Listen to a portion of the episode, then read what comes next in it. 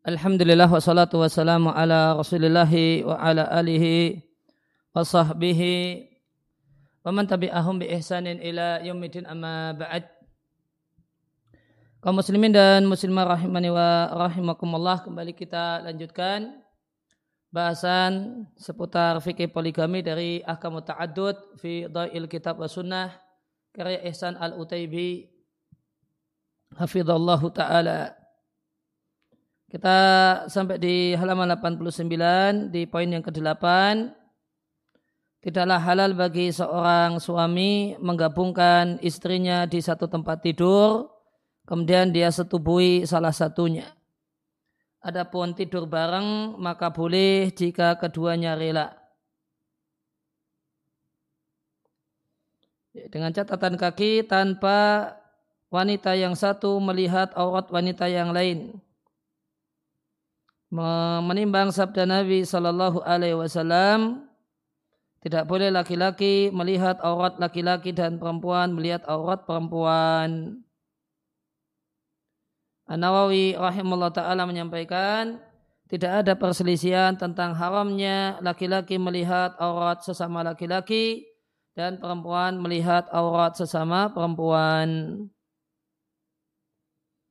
Penjelasan lebih detailnya Al-Hajawi penulis kitab Zatul Mustaqni' ya, matan fikih Hanabila mengatakan wa yukrahu dan dimakruhkan di antaranya adalah wal wata'u ya, ya, persetubuhan hubungan biologis dengan dilihat salah satunya.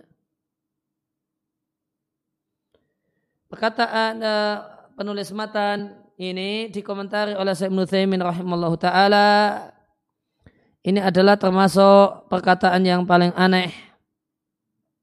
Ketika masalah ini dicukupkan dengan hukum makruh.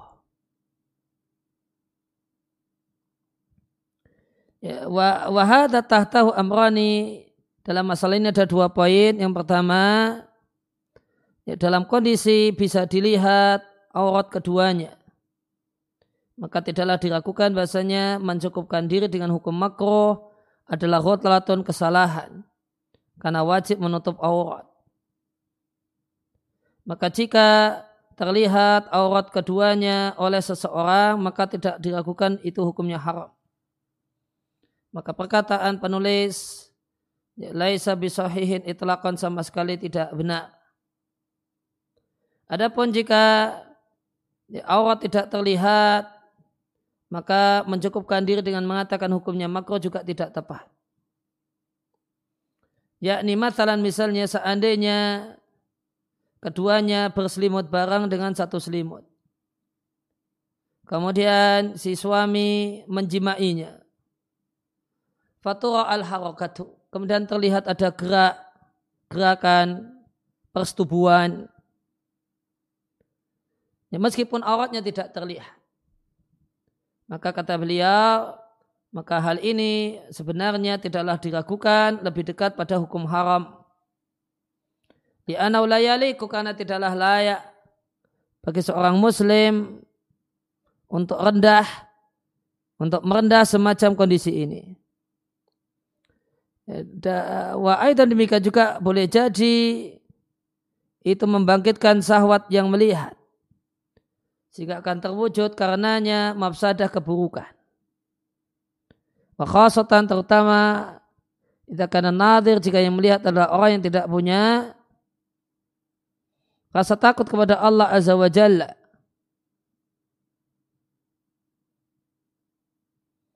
Maka boleh jadi dia akan menyerang dalam tanda kutip menyerang si perempuan setelah selesainya suaminya darinya. Atau di catatan kaki atau bahkan boleh jadi dia menyerang si perempuan sebelum selesai suaminya.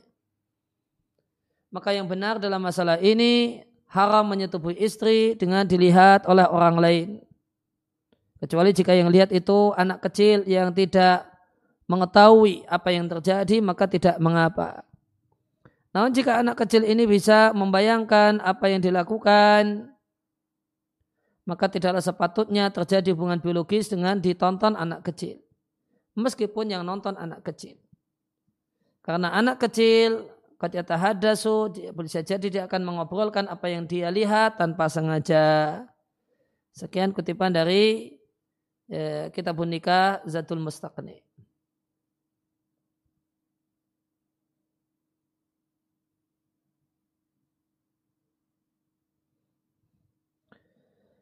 Ya, kemudian eh, sedangkan untuk tidur di antara kedua istri maka saya Nuthaimin rahimallahu taala berpendapat boleh asalkan keduanya rela. Dan hukum boleh semacam ini diperlukan dalam kondisi perang atau dalam kondisi tasyrid uh, ya, uh, diusir kemudian lari dari ya, lari menyelamatkan diri dari gangguan atau kondisi perjalanan atau kondisi bepergian. Ibnu Qudamah rahimahullah ta'ala mengatakan jika dua wanita, dua istri ini ridha ya, tinggal bareng di satu tempat tinggal Fimas kanin wahidin satu rumah tempat tinggal maka hal itu dibolehkan karena ini hak keduanya. Maka keduanya boleh longgar untuk meninggalkan haknya. Demikian juga jika keduanya rela tidurnya si suami di antara keduanya dalam satu selimut. Akan tetapi jika keduanya ridha salah satunya disetubui dengan dilihat oleh istri yang lainnya, maka itulah ya juz tidak boleh. Karena ini tindakan perbuatan ini mengandung kerendahan dan kerusakan akal dan rontoknya kehormatan. Maka tidak boleh meskipun dengan keridhaan keduanya.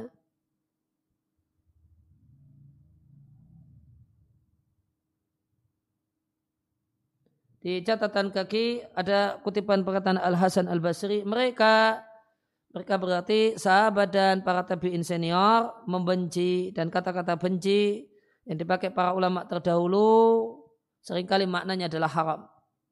Mereka membenci al-wajish. Apa itu wajash? Ayat to'a ihdahuma wal ukhra tangdu. Menyetubui salah satu istri sedangkan istri yang lain melihatnya. Dikatakan oleh Ibnu Abi Syaibah dalam Al-Musannaf. Ya, maka intinya sebagaimana judul uh, ya, maka jika seorang laki-laki tidur bareng seorang suami tidur bareng kiri dan kanannya istrinya hukumnya boleh. Jika keduanya rela dan mau. Dan ini satu hal yang dibutuhkan ketika safar bareng. Ini atau kondisi perang atau kondisi pengungsian dan sebagainya tapi kalau yang satu uh, disetubui dengan dilihat oleh yang lain, maka tadi perkataan Al Hasan Al Basri ini satu hal yang dibenci oleh mereka ya, guru-gurunya Al Hasan Al Basri berarti sahabat atau uh, para tabiin senior. Dan dibenci di sini ya, maknanya dekat kepada makna haram. Nah, kemudian yang kesembilan, khuruju rajuli min indi ba'di nisaihi, keluarnya seseorang seorang suami dari rumah salah satu istrinya padahal itu jatah giliran istri tersebut. Ibnu Qudamah rahimahullah taala menyampaikan, fa in kharaja min indi ba'di nisaihi fi zamaniha. Jika seorang suami keluar dari rumah salah satu istrinya di di waktu yang merupakan jatah istri tersebut. Fa'ingkana dalika maka jika itu terjadi di awal siang yaitu di pagi hari atau awal malam atau akhir malam yang telah menjadi kebiasaan laki-laki itu bertebaran di waktu tersebut atau keluar untuk sholat maka boleh. Karena kaum muslimin keluar untuk sholat isya, sholat subuh sebelum terbitnya waktu waktu fajar. Sedangkan uh, siang hari maka itu untuk lil ma'ash untuk mencari penghidupan dan bertebaran untuk mencari rezeki. Namun jika keluar di selain itu awal malam atau akhir malam mau subuhan, awal malam mau sholat isya, walam yalbas dan tidak lama an ada dia kembali, maka lam yuqdolaha. Tidak ada kewajiban kodok. Di anaula faidata fi qada'i dzalika. Karena tidak ada manfaat mengkodok hal itu karena sangat sebentar. Namun wain akoma namun jika tinggal lama maka wajib kodok untuk si istri baik tinggal lamanya tersebut keluar lama tersebut liudhrid karena udur yaitu kesibukan atau tertahan atau tanpa udur. Karena hak istri telah hilang dengan kepergian suami dari istri tersebut.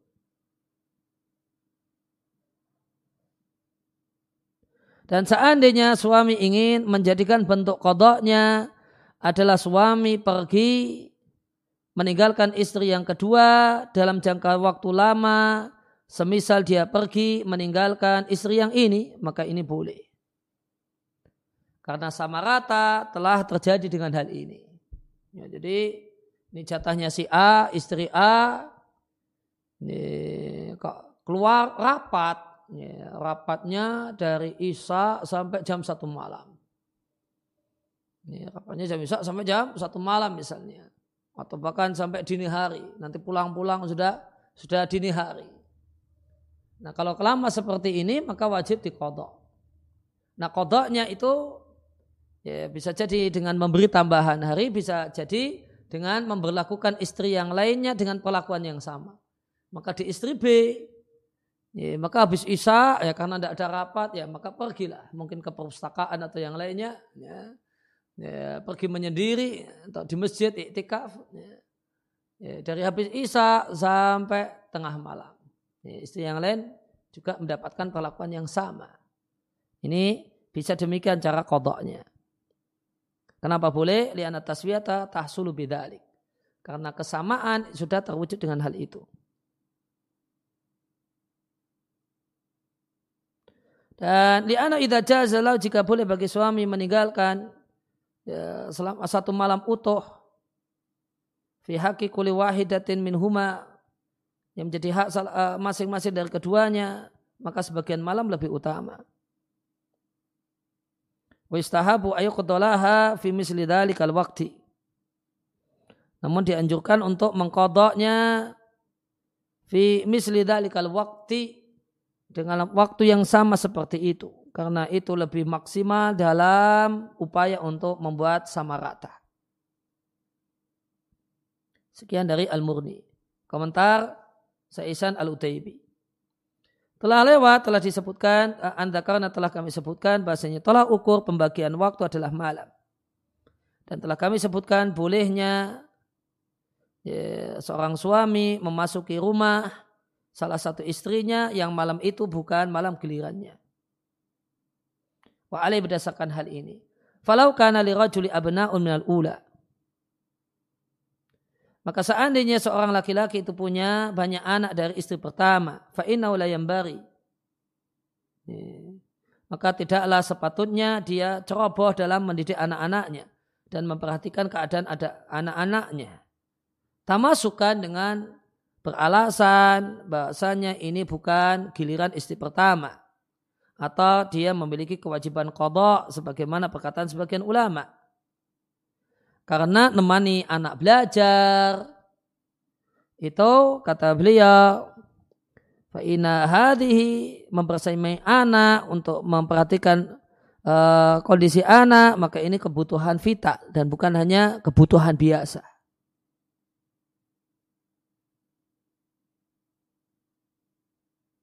Wa maksuduhu aslan dan yang menjadi maksud seorang seorang laki-laki. Yang bari ayakuna auladuhu. Maka hendaklah yang jadi maksud, sepatutnya yang jadi maksud itu anak. Ya. Sedangkan ibunya itu mengikuti anak. Maka hendaknya istri kedua memperhatikan hal ini. Bahasanya suaminya punya anak dari istri pertama yang dia punya kewajiban untuk kewajiban utama untuk mendidik anaknya. Maka jika terlambat ke istri kedua karena urusan uh, urusan anak, ini satu hal yang dibenarkan. Ya, anak ini rewel, minta gendong, yang satu uh, minta kemudian ditemani belajar, yang satu ya, minta untuk kemudian agar ayahnya nerima setoran hafalan dan sebagainya. Ya, sehingga ya, ketika datang untuk jatah giliran malam istri kedua tidak bisa. Uh, awal malam. Maka dia harus kondisikan anak-anaknya. Ini sudah pada kenyang semua, pada makan semua, sudah tuntas belajarnya, tinggal ya, persiapan tidur. Nah, baru ketika itu si laki-laki ini pergi ke rumah istri yang kedua. Maka kewajiban uh, istri yang kedua, apalagi dia belum punya anak dari si suami untuk memaklumi hal ini. Maka beliau katakan, fal eh, tatanabbah al mar'atu atau istri kedua harus menyadari lihat hal ini. Dan tidak boleh melarang suaminya untuk menengok anak-anaknya dan memperhatikan anak-anaknya. Namun sebaliknya menjadi kewajiban suami tidak menjadikan hal ini alasan lil muksi inda umihim untuk lama ya di tempat istri yang pertama. Ya dan wa marji'ul jami' ila Allah. Ingat semuanya akan kembali kepada Allah untuk mempertanggungjawabkan amalnya masing-masing. Ya, Allah tahu mana yang memang betul-betul karena kebutuhan, karena alasan atau ya karena uh, dibuat-buat sebagai alasan. Dr. Ahmad Royan mengatakan sebagian ulama bersikap keras dalam meletakkan parameter pembagian waktu. Dan mereka meniadakan adil dari semua yang menyelisih parameter tadi. Kita jumpai semisal sikap keras ini di sebagian kalimat-kalimat para ulama madhab Hanafi. Terdapat dari mereka ya, kalimat sebagai berikut. Hatta lau ja'a al-ula ba'dal khurubi walithaniyati ba'dal isya'i faqad taroka al-qasma. Hatta sampai-sampai seandainya si suami itu datang ke istri yang pertama setelah tenggelam matahari. Walithaniyati dan ke istri yang kedua setelah isya. Maka dia telah meninggalkan pembagian hari yang menjadi kewajibannya. Wa makna dalika makna kalimat ini bahasanya suami wajib menyelesaikan semua urusan siang hari beberapa saat sebelum tenggelam matahari sehingga dia bisa fokus untuk dapti awqatid dukhuli. Di dapti awqatid dukhuli ingda zaujatihi. Disiplin waktu masuk menemui istri-istrinya yaumian setiap harinya. Biaisu yakunu dalika fi sa'atin muhaddatin muhaddatatin yaumiyah di mana waktu masuk tersebut adalah jam tertentu setiap harinya Wa idza hudusus jika terjadinya hal itu yaitu selesai semua sebelum maghrib, satu hal yang mungkin fima madha di masa silam karena kesederhanaan hidup, kemudian sedikitnya kebutuhan-kebutuhan mendesak ya, dan cukup uh, telah terwujud uh, nafkah yang cukup al-kifayah fil ma'ash dengan hal yang sedikit. Ini satu hal yang tidak mungkin saat ini. Betapa banyak laki-laki saat ini tidak mampu untuk mengontrol geraknya. Biaisu yuqayyid nafsahu sehingga dia bisa membatasi dirinya di dalam rumah min qabli rubi samsi. Sebelum tenggelam matahari sudah setiap harinya sudah sampai rumah. Sehingga pembagian giliran malam itu sempurna. Ini Ya, jarang uh, orang yang bisa memastikan setiap hari demikian. Ya, sebelum tenggelam matahari sudah di, sampai di rumah tujuan. Oleh karena itu inamal ansabu yang tepat kita katakan yang menjadi kewajiban seorang laki-laki yang berpoligami adalah berada bersama istrinya di rumah itu di mayoritas malam tanpa dibatasi waktu masuknya atau waktu keluarnya. Karena boleh jadi duruful ma'as, sikon e, pekerjaan memaksa suami. Atau e, sikon karena kodaul hukuk menunaikan hak orang-orang yang punya hak. Semacam tadi anak-anak istri yang pertama. Atau kegiatan menuntut ilmu pengajian dan yang lainnya. Yang merupakan sikon-sikon kehidupan. Itu memaksa seorang suami yang berpoligami untuk baru bisa pulang ke rumah mutaakhiran. Di uh, mutaakhiran telat. Atau keluar rumah karena harus pergi dini hari sebelum uh, uh, harus pergi mau safar dan sebagainya. Harus keluar meninggalkan rumah istrinya mubakiran dini hari. Fal ibratu maka yang jadi tolak ukur keberadaan bersama istri pemilik jatah malam di mayoritas malam karena yang jadi maksud adalah kenyamanan dan bersenang-senang Wahuma dan keduanya terwujud dengan keberadaan suami di mayoritas malam di rumah e, istri yang memiliki jatah. Dan kita telah saksikan di hadis-hadis yang telah lewat kefiat tata cara yang terwujud dengannya pembagian hari di keluarga Nabi yang suci.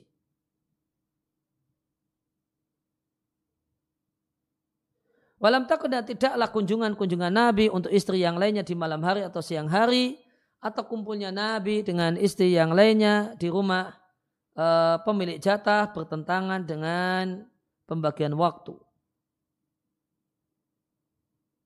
Padahal telah diketahui bahasanya kunjungan tersebut dan acara kumpul-kumpul tersebut terkadang yufawitu ala sahibutul lailah menghilangkan pemilik jatah malam sebagian haknya Manakala acara kunjungan dan obrolan tersebut mengambil sebagian dari waktu pribadinya. Dan sesuatu yang menjadi hak eh, dan sesuatu yang menjadi haknya antas ta'thira bihi tuna sawahibatiha. Yang dia memonopoli waktu hak tersebut tanpa diambil dan diganggu oleh kawan-kawannya. Oleh karena itu, Eh, saya berpandangan bahasanya tolak ukur pembagian waktu adalah mayoritas malam. Dari kata akhiri dengan memberikan persyaratan bahasanya penundaan. Bi'alla yakuna al maksud minha. Ya, penundaan untuk ya, datang ke rumah salah satu istri bukanlah maksudnya membuat menderita istri pemilik jatah. Namun telat uh, telah datang itu adalah buah dari kesibukan harian si suami. Wallahu a'lam. Minta sekian dari kitab di Zaujat karya tadi Dr. Ahmad Rayyan. Kemudian poin yang ke-10. Jika seorang suami yang berpoligami membagi waktu untuk istrinya kemudian dia, dia pergi atau bahkan bermalam di luar apakah kemudian uh, jatah malamnya telah berlalu. Jatah malam si istri telah berlalu. Uh, jawabannya tentu saja belum berlalu, belum hilang. Karena istri dalam hal ini tidak punya kesalahan dalam kepergian suami dan menginapnya suami di luar atau sibuknya suami dengan tamu-tamunya sampai subuh. Dan banyak laki-laki dan banyak perempuan meyakini anak haqqaha yadi'u. Bahasanya haknya itu jadi hilang. Dan tidaklah hal tersebut kecuali karena kebodohannya terhadap hukum syar'i. Al-Imam Syafi'i rahimahullah ta'ala menyampaikan. Seorang suami jika telah membagi untuk istrinya kemudian dia pergi.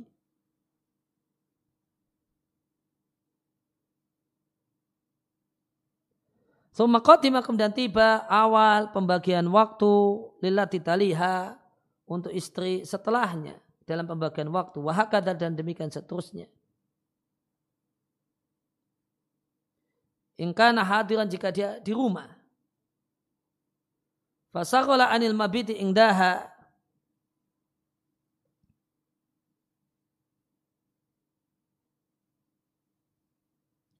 Ya, maka dia tersibukkan sehingga tidak bermalam di rumah istri tersebut.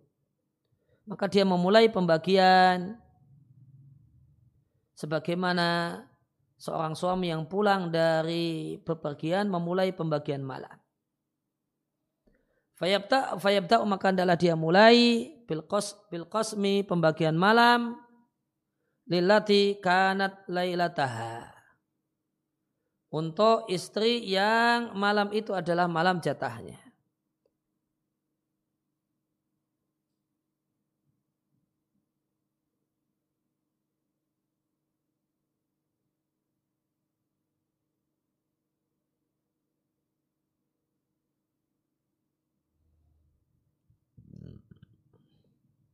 Ya, jadi jika telah bagi gelaran malam untuk seorang istri kemudian dia pergi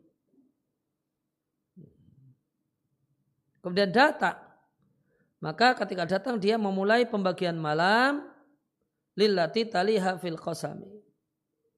Untuk istri setelahnya dalam pembagian hari. Wahakata dan demikian seterusnya.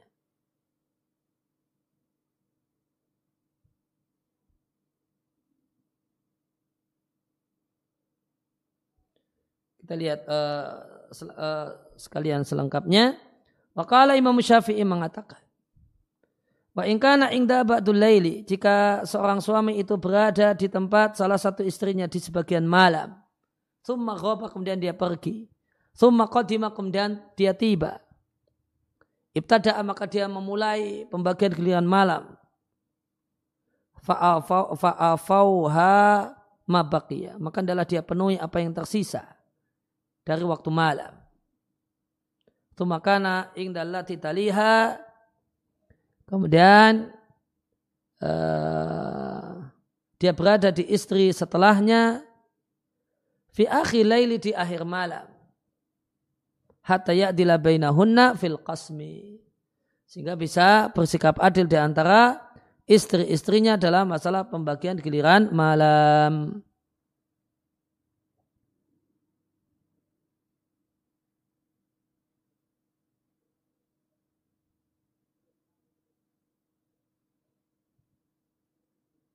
Maka jika eh, ini di istri A sebagian malam kemudian pergi. Kemudian tiba lagi di hari seterusnya, di hari setelahnya, maka dia mulai, dia dia penuhi, dia berikan pada istri yang tadi ditinggal ya, jatah sisa malamnya. Ya, setelah terpenuhi, nah baru ya, baru boleh kemudian dia pergi ke istri yang lain.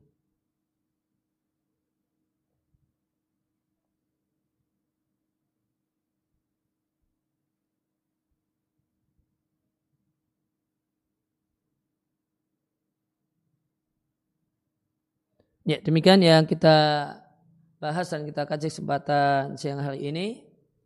Ala nabiyina Muhammadin wa akhudawan anil hamdulillahi rabbil alamin. Subhanakallahumma bihamdika. Asyhadu an la ilaha illa anta astaghfiruka wa atubu ilaik.